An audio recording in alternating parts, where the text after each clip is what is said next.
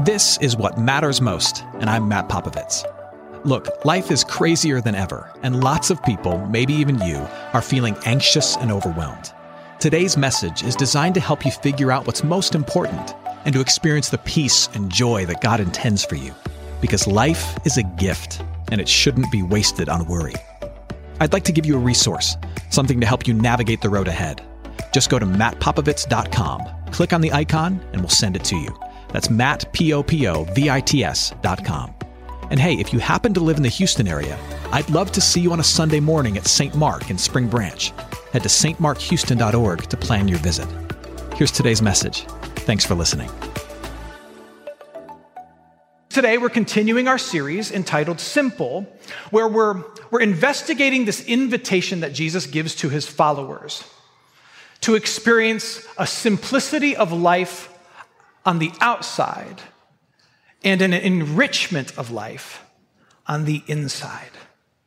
We're testing this idea that the work of Jesus Christ has set us free to live a more satisfying, less spiritually burdensome life.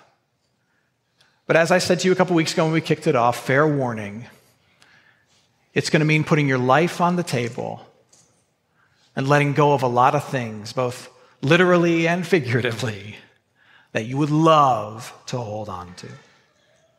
We started this conversation by talking about simplicity of heart, meaning that our hearts are focused ultimately on one thing the kingdom of God. And then last week, Jeffrey talked to us about simplicity of speech, how the work of Jesus frees us to let our yes be yes and our no be no, and to speak truth in love.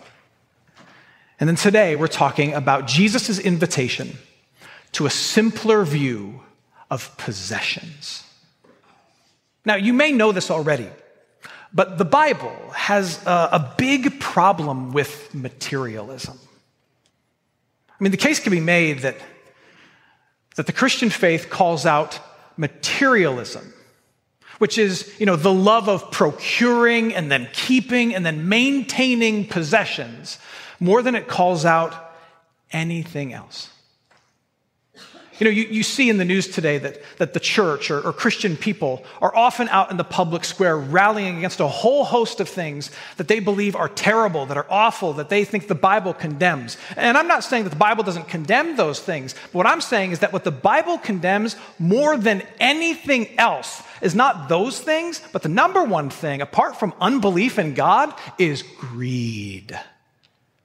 And its close cousin, materialism meaning you're grabbing onto everything that you can, trying to, trying to, trying to have it give you a sense of meaning and purpose and stability that can only come from Jesus.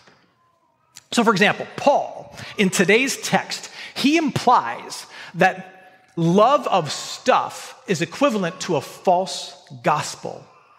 What he means is this that loving stuff too much can pull people away from the promises of God that are theirs in Jesus Christ. That often, when you stray from the message of forgiveness of sins through Jesus Christ alone, when you stray away from that, what you stray toward is a deeper and deeper obsession with and attachment to money and possessions and all the things of this world. But there's more. In the book of James, the book of James, deep in the New Testament, which was written by the brother of Jesus, so he's got some credibility here. In the book of James, James calls those whose wealth keeps them from caring for others. You know, people who say, well, I can't be generous to this person or I can't pay a fair wage to this person because that would mean less for me. That those people are ripe for misery and judgment.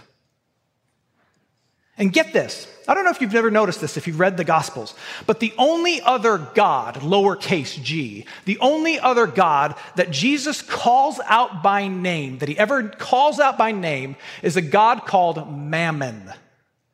Now, Mammon was the, the common name in the first century for the spirit of worldly riches. The only God that Jesus calls out by name is the false God of loving stuff too much. Now, I could go on, but, but I think the reason we don't hear much about the problem of materialism, despite the Bible going on about it over and over and over again, is because we live in a day and age, even a country that's, how do I put this, built on it. It really is. I mean, we live in a world where the primary definition of success is stuff. And it's arguably the primary way in which you and me, all of us, measure our success and our worth in this world.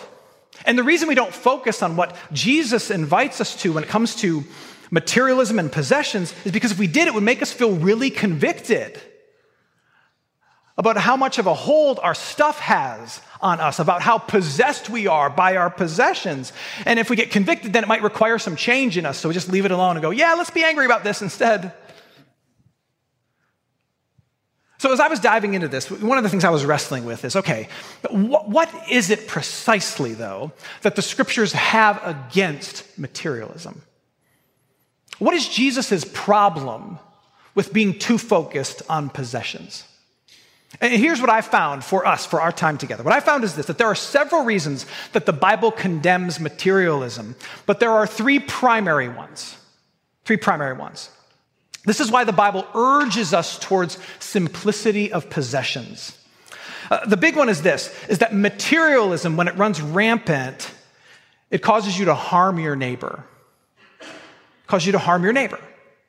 Which, if you remember how Jesus summarizes like all the law and the prophets, he says it comes down to two things loving the Lord your God with all your heart, soul, mind, and strength, and loving who?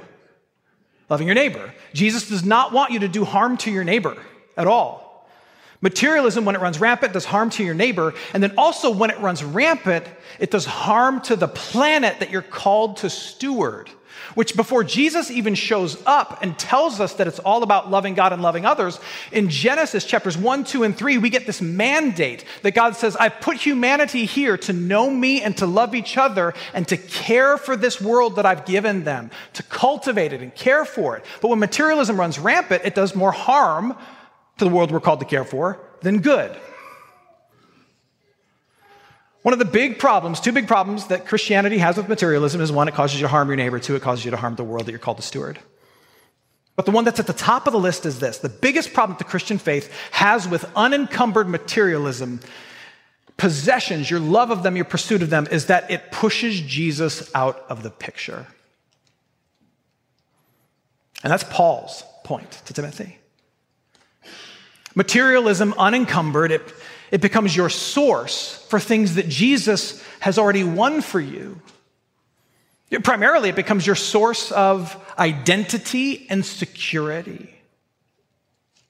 So, in case you didn't know this, you, you need to hear this the gospel message is this that, that, Jesus Christ has made you through his life, death, and resurrection and your baptism into his work. Jesus Christ has made you, yes, you, his own beloved child. And that is your primary identity. I am a forgiven, beloved, baptized, eternal child of God. That's who I am. That's who you are. And also, Jesus has procured mercy for every mistake you've ever made and victory for your future. That's what you receive. That's who you are, and this is what you receive. And that truth of you being a forgiven, beloved child of God, and there being a place for you in God's eternity that truth is, is meant to be held onto you, held onto by you so tightly that it infiltrates and shapes every decision that you make and every word that you say, so that everything that you do flows from the peace that that truth gives to you. You know who you are and where you're headed. And it gives you a sense of freedom in this world and infuses everything you do with peace. But rather than live with a knowledge of whose I am and where I'm going and letting that shape everything we do, you and I, oh so easily, we get distracted. We get distracted by should we have four bedrooms or five? But this is why Paul says this to Timothy the love of money, and you could insert possessions and stuff, is a root of all kinds of evils. Flee from these things, that strong language, and take hold of the eternal life to which you have been called.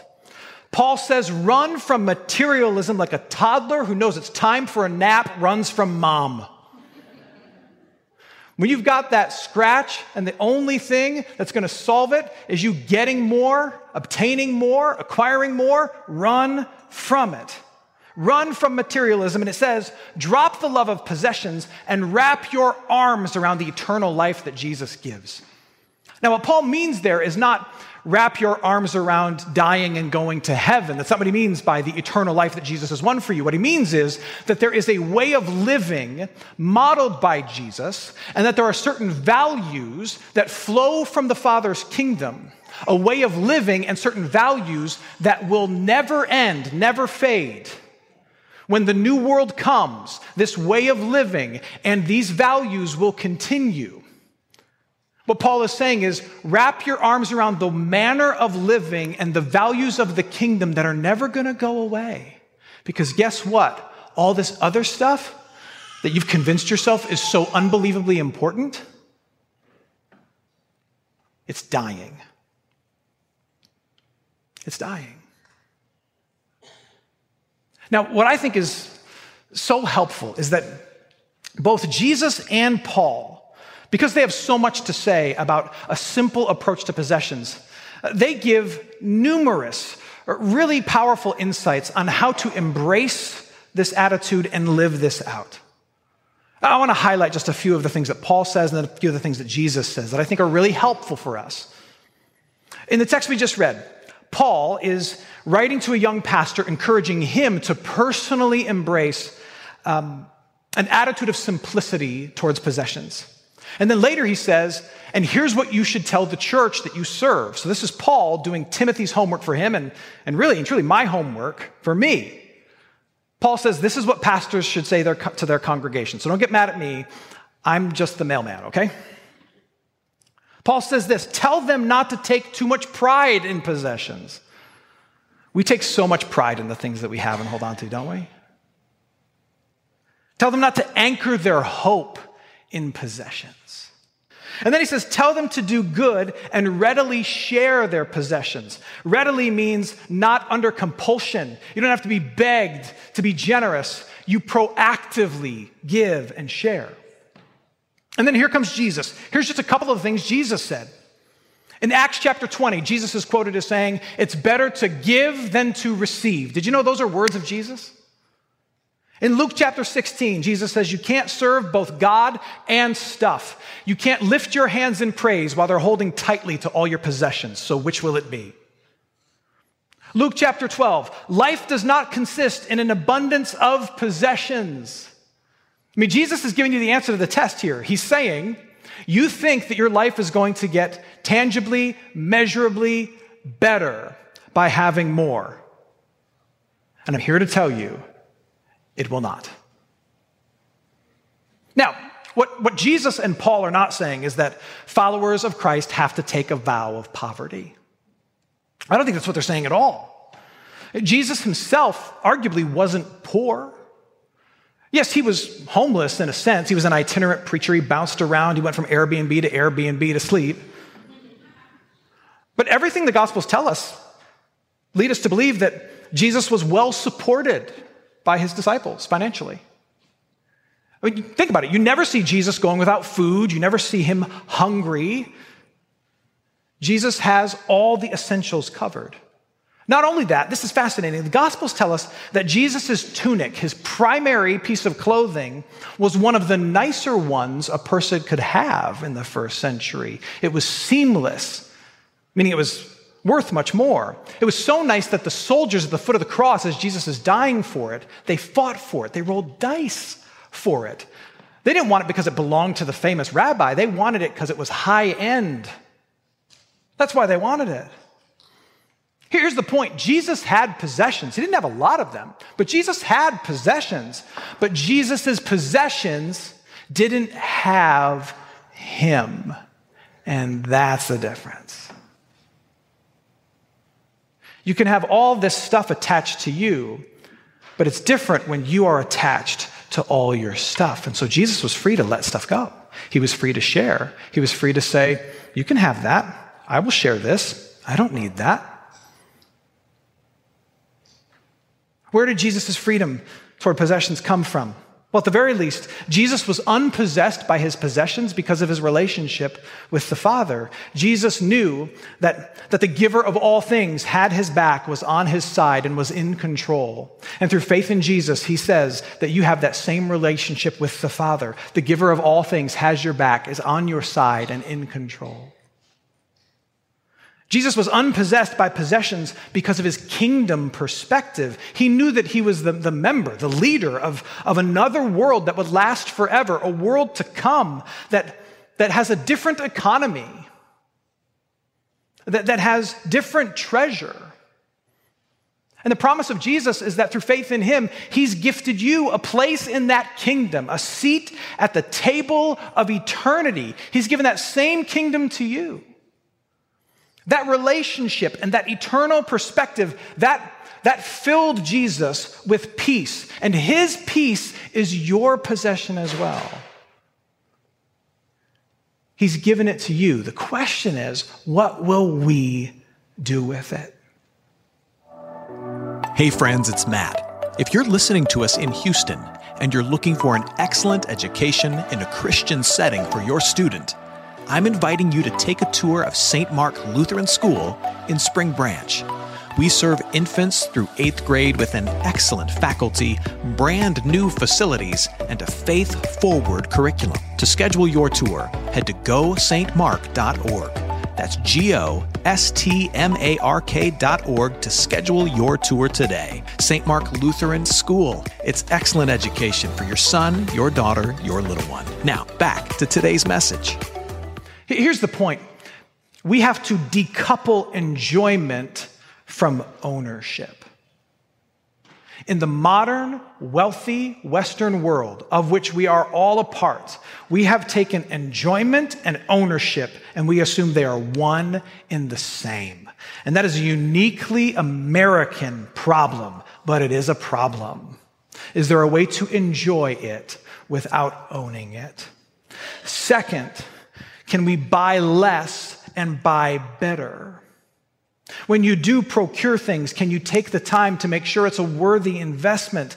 Is it smart to spend more so that you make sure it will actually last? Probably. Is it right to spend a little more to make sure that it's ethically made? I would hope so.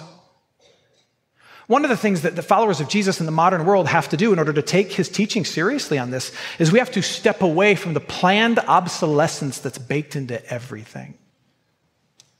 A big part of our material world is this assumption that we will only make it so nice and so sustainable for you. We only want it to last so long. Because if it lasts too long, you won't go out and buy another one.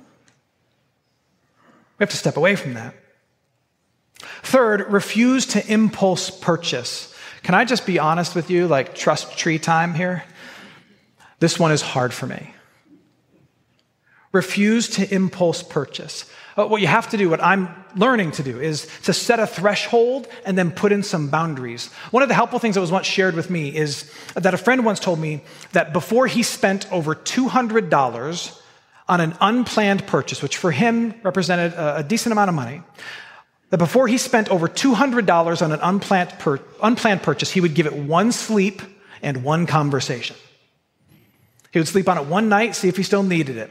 And he would talk about it with one person and see if he still wanted it. And often he didn't. You know how I know that? Because I was his one person. the fourth thing is get into giving. And I know some of you are sitting there going, oh, I knew the pastor would say that. It comes back to giving to the church, doesn't it? I'm not even talking about tithing. Those of you who are part of God's family, you know that you should do that. I mean, if you're not, that's on you. I'm talking about generosity that's, that's broader and wider.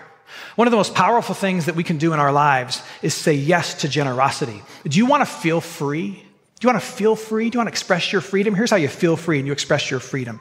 Take something that's meaningful to you. Not something that's a leftover, but take something that's meaningful to you. It's got a story behind it. It makes you feel good when you look at it.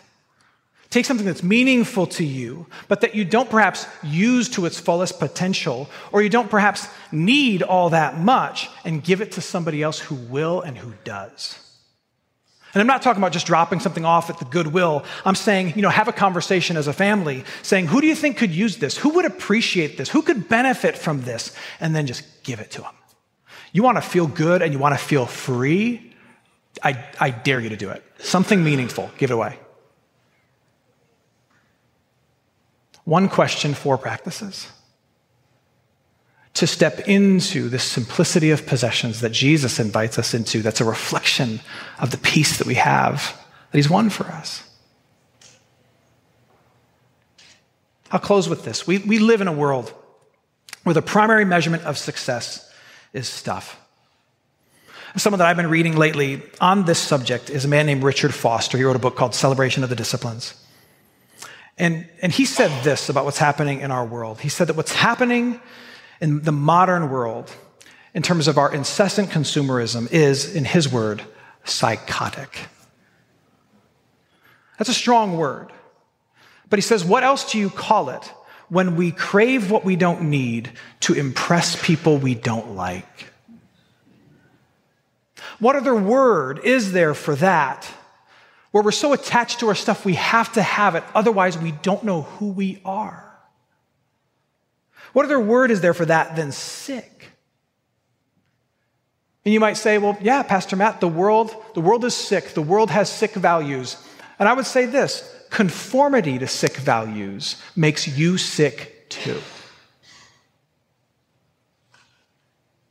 So, what if rather than just settling for sickness, we, we wandered towards simplicity? Just wrestle with it. Join me in asking the question, the wrestling with what if we took Jesus' way of living in regard to stuff seriously? Because the good news is that in Jesus Christ, you are free to be unpossessed by possessions. You are free, as Paul says, to take hold of a different kind of life. You are free to find out if it's possible to have more of what matters by having less of what doesn't. You are free to discover that as our life becomes more outwardly simple, it becomes more inwardly rich. Is that idea intriguing to you? Outwardly simple, inwardly rich. I hope it's intriguing to you. Or I'll say it like this I hope that idea sparks joy in you. Let's pray. Heavenly Father, this is a tough one and a personal one for me. And yet there's this desire in me, and I know in, in my friends who with me call this place home, to, to take Jesus more seriously when he invites us away from these attachments that, that lay hold of our heart and become obsessions and distract us from the peace and hope that we actually have. Father, help us to believe Jesus when he says that life is not found in an abundance of possessions. It's not found there. Help us to believe that we have the same freedom he had to live with less, to let go, to have our needs met, but to give generously and meet the needs of others. And to have a smile on our face as we know that when a commercial plays or somebody else has something nicer than us, we can say to ourselves, Oh, I, I already know who I am. And I know where I'm going. I've got my treasure. I'm fine. Amen. Hey, it's Matt. I hope you enjoyed what matters most. Here's what I need you to know life is a gift, and it shouldn't be wasted on worry. I want to help you figure out what's most important and to experience the peace and joy that God intends for you. So, for more content, you can head to mattpopovits.com. That's Matt, P O P O V I T S.com. There, you can also support this ministry as well as access your free resource, a little something to help you navigate the road ahead. I'd also love to see you on a Sunday morning. If you're in the Houston area, head to stmarkhouston.org to plan your visit. In the meantime, hit me up on Instagram at mpopovits or at facebook.com slash mattpopovitsministries. Thanks for listening. Now go and hold tight to what matters most.